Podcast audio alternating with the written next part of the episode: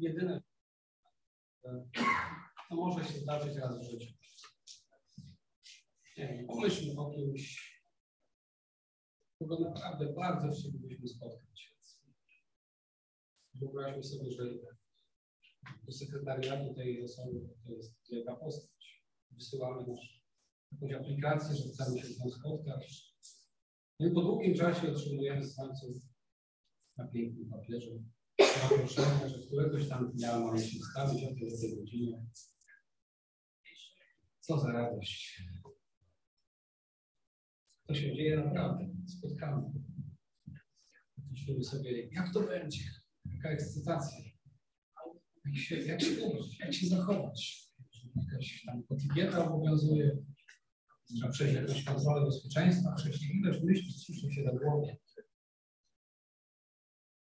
Tego ranka budzimy się dużo wcześniej niż normalnie. Już o niczym innym nie myślimy. Wiele osób ma takie pragnienia, takie marzenia, spotkania kogoś, poznania kogoś. Um, natomiast my, jako chrześcijanie, mamy wielki przywilej oczekiwania na kogoś innego. Oczekiwania na spotkanie, na powtórne przyjście naszego Jana. Oczekujemy Jego, który przyjdzie z niebios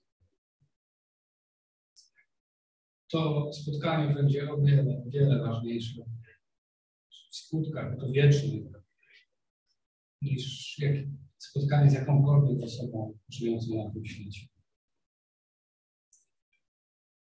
Za chwileczkę do tego wrócimy, ale teraz krótko przypomnijmy sobie, o czym mówiliśmy ostatnio, analizując pierwszy list Tesaloniczan. Otóż E, omawialiśmy część wersetu dziewiątego z pierwszego rozdziału. Dużo mówiliśmy na temat bałwochwalstwa, które jest, było i jest cały czas wielkim zagrożeniem dla Bożego ludu. W Starym Testamencie mamy naprawdę mnóstwo ostrzeżeń i teraz czytam Księgę Sędziów, więc tam po prostu jest straszne nagromadzenie tego bałwochwalstwa. Ale również i my dzisiaj, żyjący w XXI wieku, też musimy zważać na to.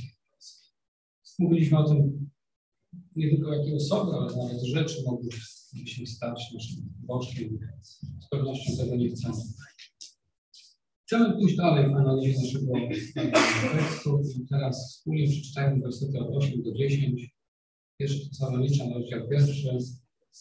Jeśli mamy swoje egzemplarze, jeśli to zachęcam, z nich korzystać. Ja będę czytał z przykładu dosłownie.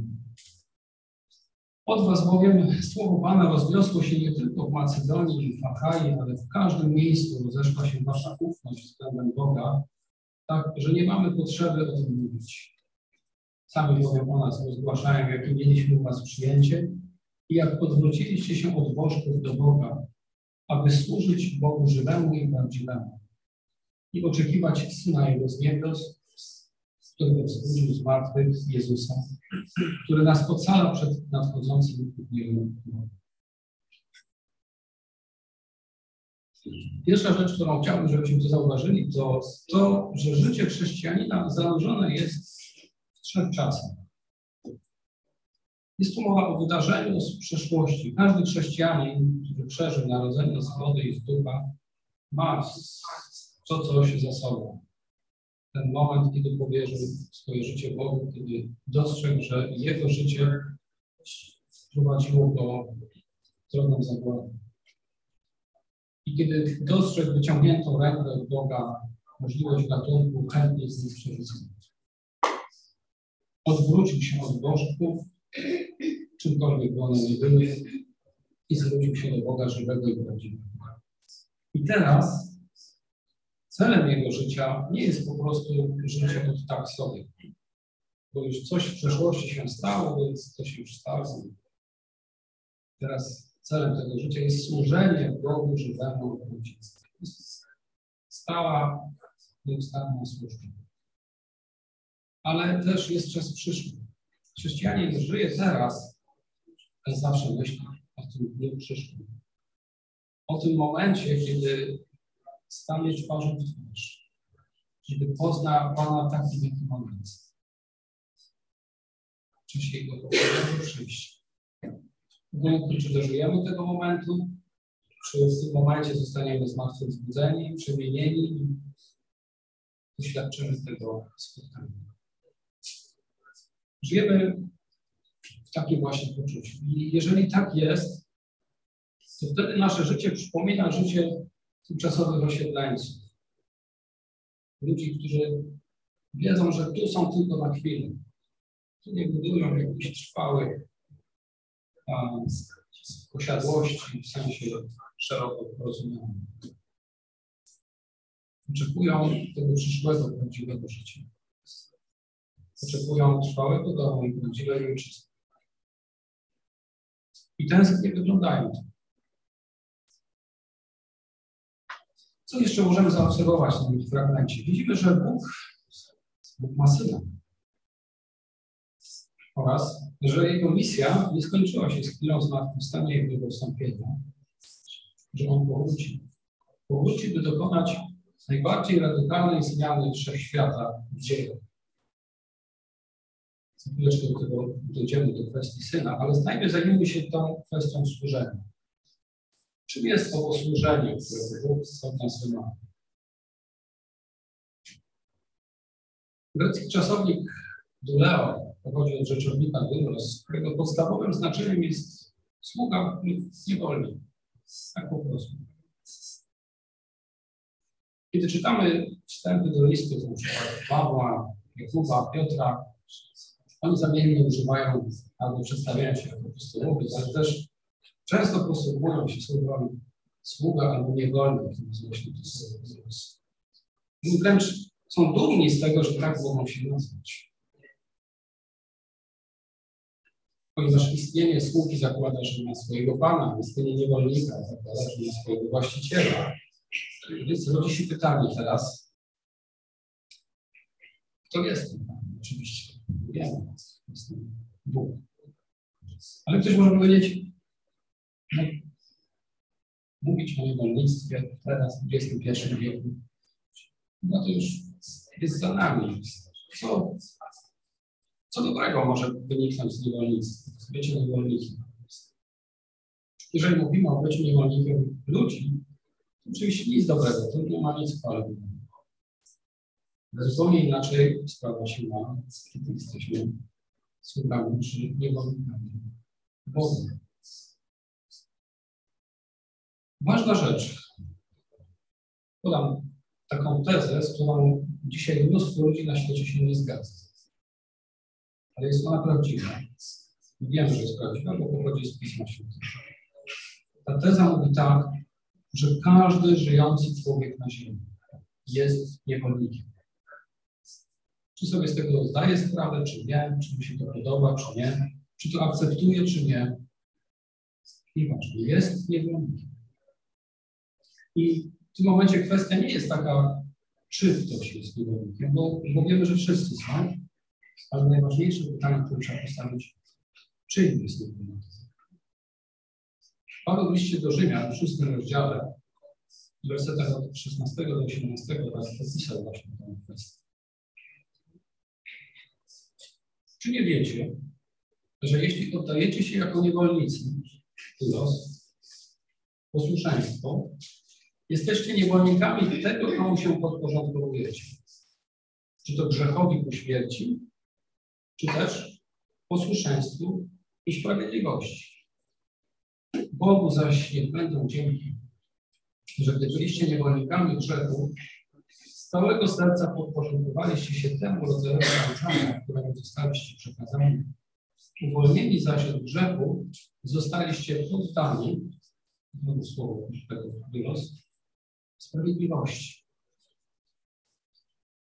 Mamy więc dwa rodzaje niewolników. I tylko. Mamy grzechu ku śmierci i posłuszeństwu do sprawiedliwości. Nie ma trzeciej kategorii. Tych, którzy nie są uczynni niewolnikami. Gdyby się ktoś ubierał, że na początku jest strona czynna, udajecie się, która zdaje się zakładać, że trzeba jakiegoś czynnego aktu naszej woli, żeby się poddać tę wolę. I gdyby ktoś mówił, że No ale ja chcę być wolny na przykład, ja się nie oddam ani posłuszeństwu, ani grzechowej po prostu będę. Tkwi w tym zasadniczy błąd. Owszem, wymaga to aktu woli, ale ten akt ktoś za nas podjął, dał to. I my już na tego mamy wpływ. Jak się domyślamy, był to Adam, który wypowiedział Bogu posłuszeństwo i stał się niewolnikiem. I to niewolnictwo przekazał wszystkim swoim dzieciom. Kiedy rodzi się maleńkie dziecko, wydaje się takie słodkie, niewinne, ale możemy sobie wyobrazić, że ono już ma kajdany na Ono rodzi się w niewoli Nie ma innej rodzica. Nie możemy nic zrobić, żeby popaść na niewolę, bo już nie popaść. Każdy nie Nie trzeba dokonywać żadnego wyboru.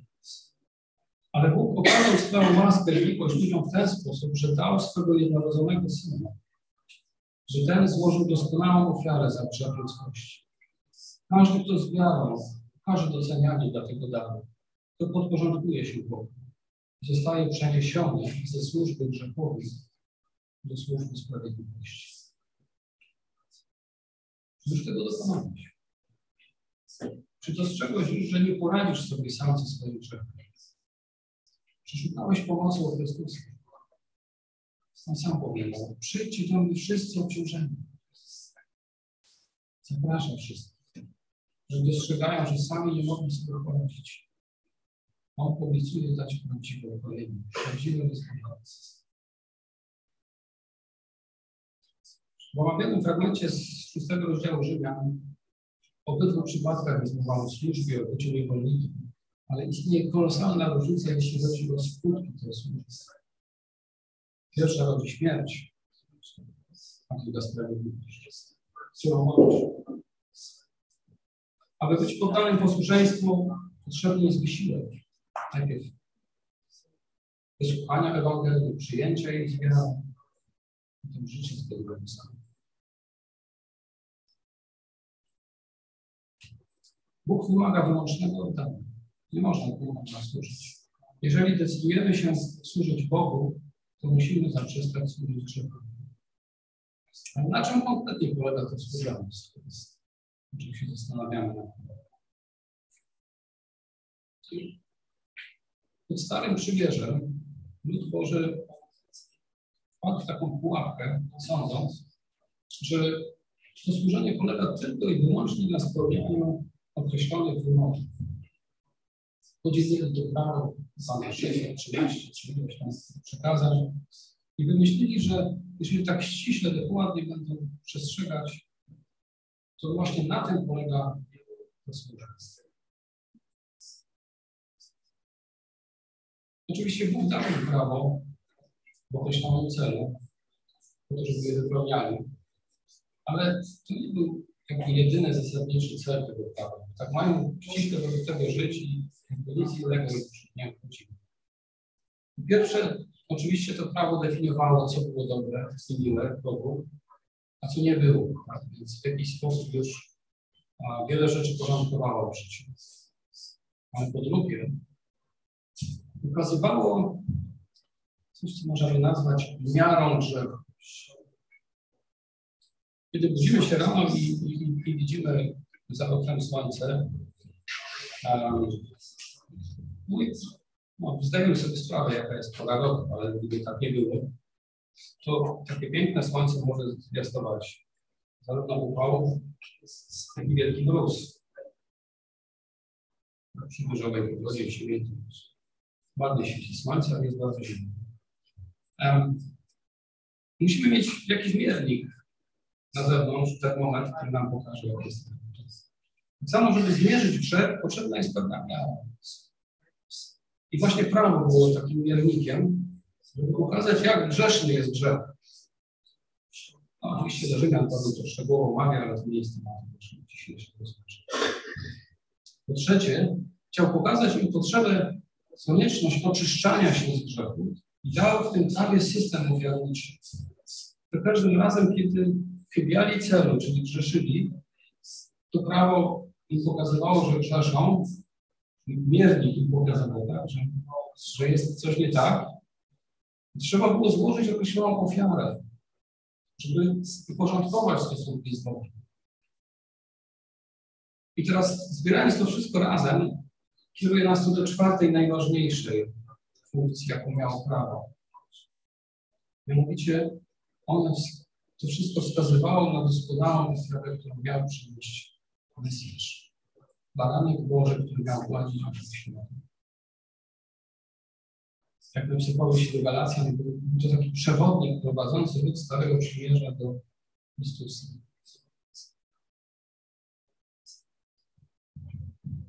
Teraz w Nowym Przymierzu nadal jesteśmy niewolnikami, ale zaszła pewna kolosalna zmiana.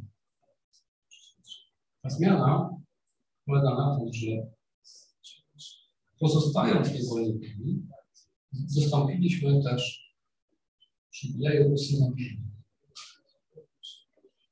W czasach starożytnych wcale to nie była rzadka praktyka, kiedy jakiś człowiek, widząc niezwykłe oddanie swojego sługi, którego bardzo lubił, dostępował ten sługa usynowienia. Dziedziczył razem z jego dziećmi, miał udział w dziedzictwie. Przyjmował nazwisko swojego dotychczasowego pana. Dalej był jego panem. Równocześnie się jego ojca. I my jesteśmy takimi sługami, niewolnikami Boga, ale jednocześnie Jego synami Mamy udział w dziedzictwie razem z Synem Bożym. Jezus. Ósmy rozdział jest też 16-17. Ten to Duch świadczy wraz z naszym duchem, że jesteśmy dziećmi Boga, jeśli dziećmi, to i dziedzicami. Dziedzicami Boga, ale współdzielacami Chrystusa. Skoro razem z nim cierpimy, aby razem z nim móc dostąpić. Jesteśmy więc nie tylko niewolnikami, ale jak powiedziałem, również synami, mającymi dostąpić chwały całkowicie zmienia perspektywę naszej służby. To nie jest już takie ślepe posłuszeństwo przykazaniom tego nie rusz, tamto masz zrobić, tego nie dotykaj. Dzieje Izraela właśnie pokazały, że takie patrzenie na bycie sługą Bożym zawiodło. Jeśli do Hebrajczyków 9.14 autor dowodzi, że krew ofiary Chrystusa oczyszcza nasze sumienia od martwych uczynków dla służby Bogu żywemu. Właśnie o takiej służbie Bogu żywemu pisał Paweł pierwszym Tesaloniczanskiego 10. Na wzór niewolnika usynowionego, włączonego do rodziny swego Pana, który okazuje wielką wdzięczność Jego służba też nie jest konieczność spełniania określonych listy pewnych nakazów. To jest chęć radosnego poddania się swojemu Panu i wykorzystywania wszystkich naszych możliwości, żeby podobać się Jemu. Właśnie o takiej służbie tutaj mówimy. O takiej służbie też w 12 rozdziale listu Hebrajczyków autor pisze. Dlatego jako ci, którzy otrzymują królestwo niewzruszone, zachowujmy wdzięczność i z nią pełnijmy służbę w sposób miły Bogu, z szacunkiem i bojaźnią. Wdzięczność, szacunek i bojaźń. Bojaźń też, bo jest dziewiąty bowiem Bóg nasz jest ogniu Nie jest takie coś lekkiego. Żeby poczucie odpowiedzialności, ale z radością, wdzięcznością i szacunkiem.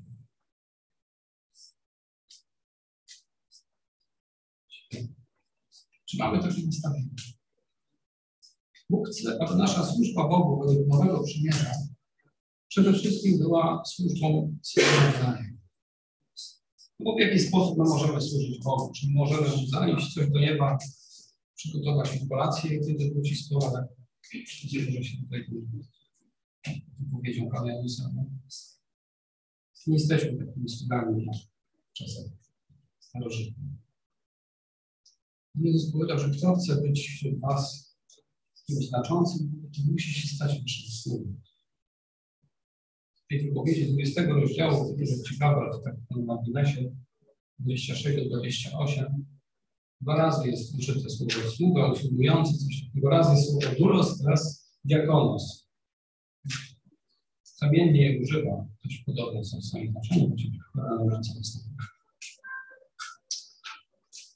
Powiedzieliśmy, idąc dalej, że celem odwrócenia się od bożków do Boga było to, aby służyć temu żywemu i prawdziwemu Bogu. Ale nie tylko. W wersecie 10 czytamy, że tym celem było również oczekiwanie Jego Syna z niebios, który wzbudził z martwych Jezusa, który nas ocala przed nadchodzącym gniewem. Takie wieści z Tesaloniki roz, rozeszły się po okolicznych miastach, wioskach. I to było wielką pomocą dla misjonarzy. Zanim oni dotarli gdzieś tam, to ci ludzie już wiedzieli o tym. Ciekawe. Wiedzieli o tym, że istnieje tylko jeden i prawdziwy i żywy Bóg. To było coś niezwykłego w tamtym czasie. Wielobóstwa, politeizmu, no tak, no tak masową skalę. W zasadzie do, do czasów chrześcijańskich tylko Żydzi wierzyli w jednego Boga. Nikt inny. Więc chrześcijanie mówili, że jest jeden żywy, prawdziwy Bóg i że ten Bóg ma syna. Co więcej, ten syn ma na imię Jezus. Ten Jezus był martwy, ale teraz żyje, bo wzbudził go z martwych.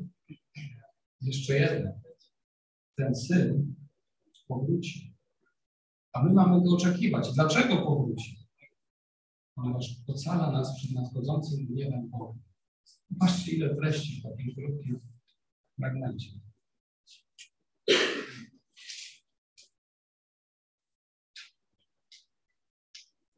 Bóg się gniewa i ma zamiar wylać ten gniew na mieszkańców ziemi. A jedyny ratunek przed skutkami tego wylania właśnie mamy w nadchodzącym Synu Bożym. I dlatego te saloniczanie byli tak bardzo zainteresowani tym powtórnym przyjściem Chrystusa, ale mieli na ten temat trochę e, niewłaściwe poglądy, wyobrażenia. Dlatego w obu tych listach napisanych w krótkim odstępie czasu Paweł skorygował szereg tych nieprawidłowości dzięki Bogu, bo teraz my mamy lepszy obraz tego. Najpierw powiedzmy parę słów o synu. Żydom, którzy mieszkali w diasporze, niemal wszędzie na terenie Imperium Rzymskiego, kiedy słyszeli chrześcijańską wieść że Bóg ma syna, że ten syn jest kimś znaczącym, że on ocala nas przed gniewem Bożym, prawdopodobnie pierwsze skojarzenie, jakie mogło im przyjść, to było wielkie proroctwo z psalmu drugiego. Ja ustanowiłem mojego króla na Syjonie, mojej świętej górze. Wywieszczam zarządzenie. Ty jesteś moim synem, ja ci dziś zrodziłem. Rośnie, a dam ci dziedzictwo narodów i twą własnością uczynię krańce i tak dalej. Na 12 werset mówi, złóżcie hołd synowi, a się nie rozumie. W zasadzie można powiedzieć, że Żydzi obojętnie, czy w Jerozolimie, w Judei, czy, czy w diasporze, wszędzie powinni przyjąć z radością tą wieść. Oto po prostu się spełniło, ten syn przyszedł. Bóg, ojciec powierzył mu władzę. Ale problemem, który dla większości Żydów stanowiła osoba Jezusa jako Mesjasza, było nierozróżnienie proroctw. Im wszystkie prosto o Mesjaszu zlewały się w jedną całość. Oni nie potrafili dostrzec tego, że owszem, to prawda, Mesjasz miał być królem, jak Dawid, ale jeszcze większy. Miał rozdrobić wrogów Izraela. Miał sprawić, że Izrael miał być kwitnący już w czasach Salomona, albo jeszcze więcej ale równocześnie inne proroctwa, też dotyczące Mesjasza, mówiły o tym, czy miał złożyć ofiarę, czy miał ponieść śmierć, czy miał odkupić z grzechu rodzaj ludzki. A dopiero po tym czasie, w czasie drugiego przyjścia, miał przyjść jako wielki król i głos sędzi. Oni tego nie. Dlatego osoba, która została opluwana, która była opluwana, wyszydzana, który dał się pojmać, ukrzyżować, to osoba zupełnie nie pasowała do ich wyobrażenia Mesjasza. Nawet tak oczywisty fragment, notabene to jest jeden z lepszych fragmentów, jeżeli mamy możliwość rozmowy z, dzisiaj z Żydem, żeby spróbować głosić na Chrystusa. To jest powołanie się na te słowa z Księgi Przysłów, 30 rozdział 4. Kto wstąpił na niebiosa i stąpił? Kto zebrał wiatr w swoje dłonie? Kto owinął wody w? Kto ustanowił wszystkie krańce ziemi? Jakie jest Jego imię i jakie imię Jego Syna? Ale oni interpretują to w ten sposób, że Syn to zbiorowo Izrael. Powołuje się na słowa Mojżesza, Faraona, wypuść mojego Syna. Um, Pan Jezus wskazał na ten straszny błąd, który popełniali i w 10 rozdziale Jana jest taka sytuacja opisana, kiedy Pan Jezus rozmawia z Żydami, mówi do nich, że On jest Synem Boga, że On i Ojciec są jedno. Co wtedy się dzieje? Nie upadają przed nie mówią, jak to masz Pan mój i Bóg ale pytają za kamieniem. Potem, kiedy Pan stanął przed Sanhedrynem, przydowcy przywódcy także spektakularnie go wrócili. Ewangelia Marka, 61 rozdział 14, 14 rozdziału, 64 mówi. Arcykapłan zaczął go pytać, czy Ty jesteś Chrystusem, Synem Błogosławionego? Jezus powiedział, ja jestem. Zobaczycie też Syna Człowieczego, jak siedzi po prawicy Wszechmocnego i przychodzi z obłokami nieba. Arcykapłan zaś rozdarł swoje szaty i powiedział, czy trzeba nam jeszcze świadków? Usłyszeliście wyrażenie, co wam się nasuwa? Oni wszyscy wydali wyrok, że powinien jest. Potem ci sami przywódcy, a za nimi inni Izraelici krzyczeli przed Piłatem, ukrzyżuj go, mamy króla, to cesarza, Barabasza nam wypuść. Tego nie chcemy.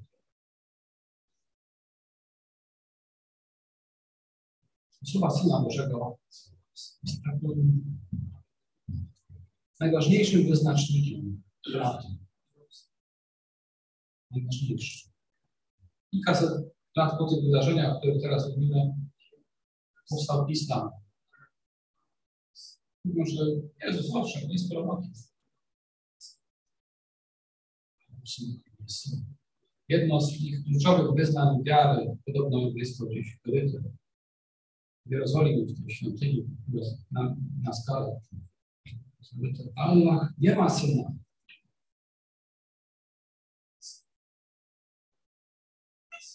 To, co oddziela prawdziwych chrześcijan, prawdziwych Bożych od całej reszty, to jest stosunek do Syna Bożego różne sekty, różne kulty parachrześcijańskie też uznają Jezusa. No dziwnym trafem zawsze jakoś mają problem z tym synem. Wiem, co mówię. Też kiedyś miałem z.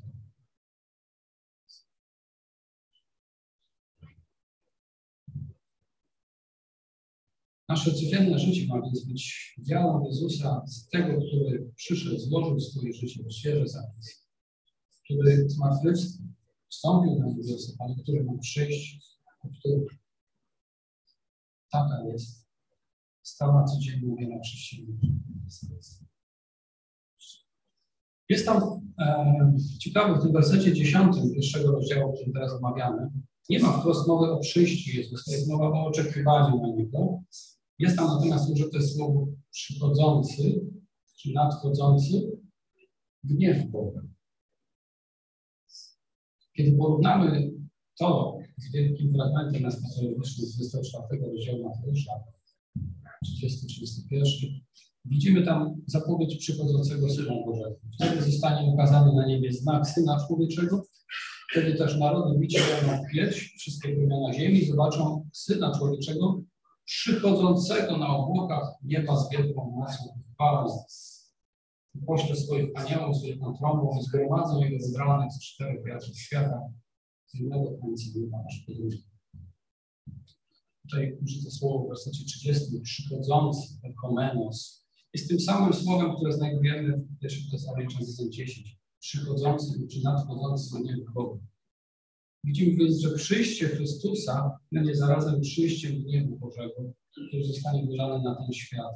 Ale z drugiej strony, to przyjście Chrystusa jest potrzebne dla nas, żeby uchronić nas przed tym nadchodzącym widzem. Pośle swoich aniołów, żeby zgromadzić swój lud Boży z całego świata. Zgromadzić do siebie. W czwartym rozdziale więcej będziemy o tym mówić. O spotkaniu w powietrzu razem z nimi, razem z tymi, którzy zmarli, dostąpią wskrzeszenia, przebijania ciała.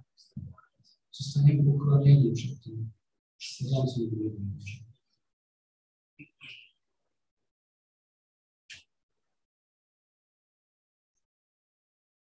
Ludzie, którzy nie zawierzyli Bogu swojego życia, którzy wolą swój grzech, Jego nie wolą, którzy nie oczekują żadnego przyjścia, nie obchodzi nie obchodzi Ojciec, ani Syn, ani Duch Święty, ani przyjście.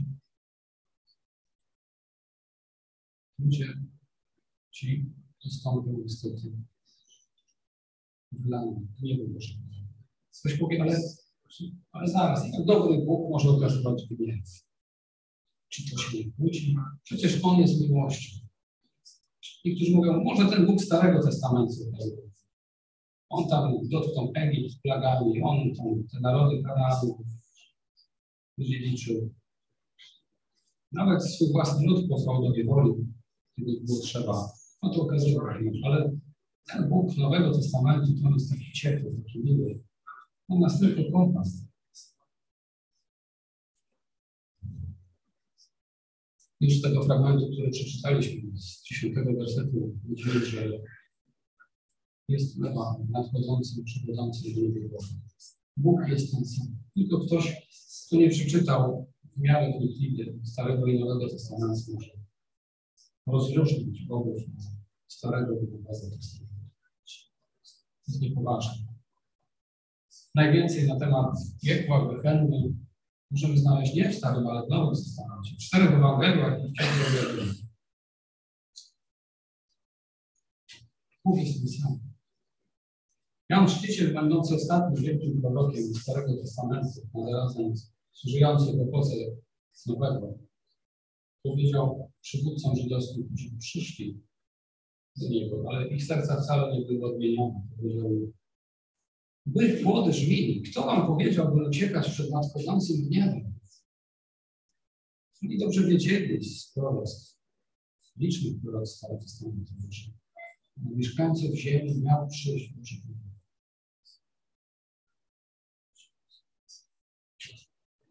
I to jest ważna lekcja dla nas. Myśmy działali się na Janie Chrzcicielu. Głosząc komuś Ewangelię, nie wolno pomijać tego aspektu. Że może to czasami być takie niewygodne, trudno mówić nie wiem. Chcemy mówić o Bogu miłości, który nas kocha, który chce wszystkiego dla nas co najlepsze. Oczywiście to jest momentem, ale nie pełno. Żeby ludzie mogli prawdziwie docenić zbawieni, muszą dowiedzieć od czego mają zostać zbawieni. Dlaczego w ogóle ich stan jest tak żałosny? I co ich czeka, jeżeli tego stanu nie zmienią? Czasem możemy mieć pokusę, żeby w Ewangelii skupiać się na tym, że no, ludzie dzisiaj borykają się z różnymi problemami, nie radzą sobie z różnymi porażkami, ale Chrystus ma coś, co im pomoże. Oczywiście, że ma z Oni mówią, o masz takie życie monotonne, smutne, a my dostajemy takich duchowych przeżyć. To eksponują nas za Ewangelię. To też nie jest.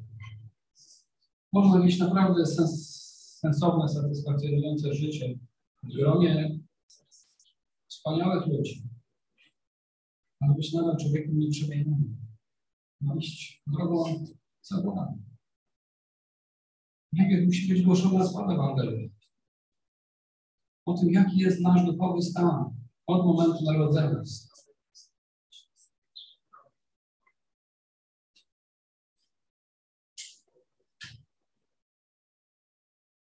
Jak czytałem na początku Rzymian, też rozdział w 18 wersecie tego fragmentu Paweł napisał. Gniew Boży z nieba objawia się bowiem przeciwko wszelkiej bezbożności i niesprawiedliwości ludzi, którzy w niesprawiedliwości knują prawdę. Już teraz ten gniew daje sobie znać, ale dopiero ten nadchodzący gniew powinien budzić wyrost. Człowiek, który tak do żywego jest przejęty tym swoim stanem, kiedy naprawdę zrozumie, jakim jest stanie, bez powodu, co go czeka, może wołać do Boga. Pragnąć uwolnienia. Taki jest sens zbawienia tego słowa zbawienia, uwolnienia, uleczenia.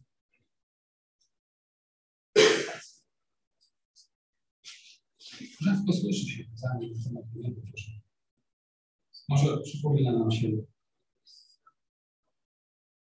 znam tylko jeden tytuł kazania Jonathana Edwardsa. Zapamiętałem go dlatego, że jest też znaczący. Kilkaset lat temu jest ewangelista głosił robotnikom, ogólnikom, ludziom ciężkiej pracy, twardymi ludźmi byli, ciężkie czasy. Kiedy im głosił kazanie pod tytułem Grzesznicy w rękach rozgniewanego Boga, to widać było na ich czarnych od pracy wkurzonych twarzach stróżki łez. I naprawdę byli przejęci.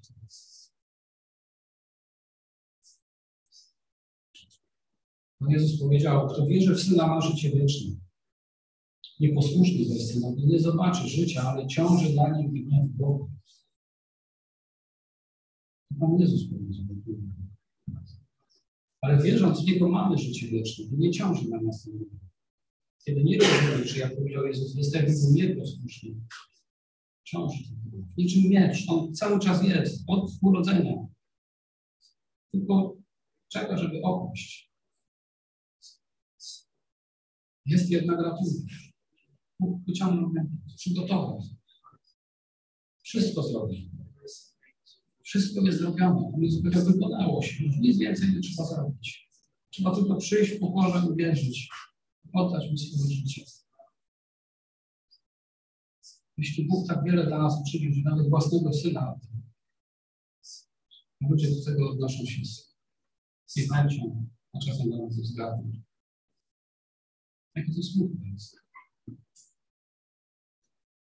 Nie zapominajmy o tym. To jest jedna z fundamentalnych rzeczy, która mamy. Jeżeli mówimy komuś, przyłącz się do nas, będzie fajnie, będzie miło spędzał czas, poznasz super ludzi, może nawet jakiś przyjaciół zyskasz. Boże, żeby tak się stało. Czemu nie?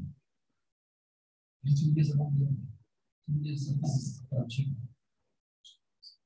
Możemy mu wyrządzić krzywdę, bo będzie miał fałszywą nadzieję, nie będzie pobudował i się nie nawróci.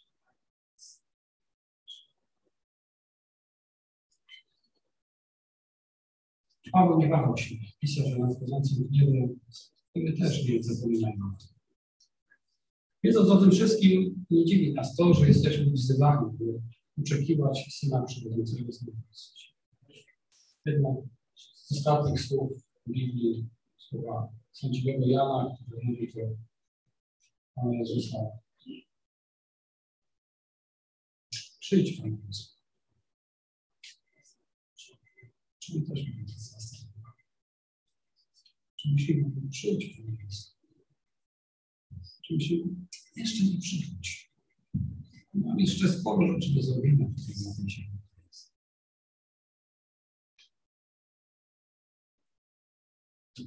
Jeśli chcemy więcej no, poszerzyć jakby sobie te myśli, zachęcam, ale też nie tylko Was, ale siebie również, że w ramach osobistego studiowania Biblii przyjrzeć się e, drugiej części 24 i rozdziału 25 z Ewangelii Mateusza. Tym różnym wypowiedziom, jak ma wyglądać nasze oczekiwanie na przyjście. I krótko podsumuję. Bóg w tej łasce nas modli. Z zawodników grzechu uczynił nas niewolnikami posłuszeństwa i sprawiedliwości i swoimi dziećmi. I oczekuję, że będziemy służyć w poczuciu wdzięczności, miłością, wdzięcznością Bożym. Praktycznym sposobem jest po prostu chętne przestrzeganie Jego przykazań i służenie innym, tak po prostu służenie innym. Jak apostołowie, jak Pan Jezus sam przykład takiego służenia. Kiedy głosimy Ewangelię, nie, nie możemy pomijać nauki o Bożym pieniądze, ale mamy ją przedstawiać wiernie. Bo jeśli tego nie robimy, to może zostać zgubione całe serce. I w końcu warto przypominać sobie, że jesteśmy tutaj tymczasowymi osiedleńcami, że nasza ojczyzna jest w niebie, skąd oczekujemy Chrystusa. On ocala nas przed tym nadchodzącym. On zabierze nas do domu swego Ojca. On obdarzy nas wszelkim duchowym błogosławieństwem niebios. Duchowym już teraz obdarzył, jak czytamy się do Wszelkim, nie tylko duchowym, w całym tego słowa uczynienia. On traktuje nas jak Pan wody swoją oblubienicę. Oczekuje spotkania z nami, oczekuje zaślubin i wiecznego życia twarzą w twarz razem. Czy to z tego oczekujesz? Bardzo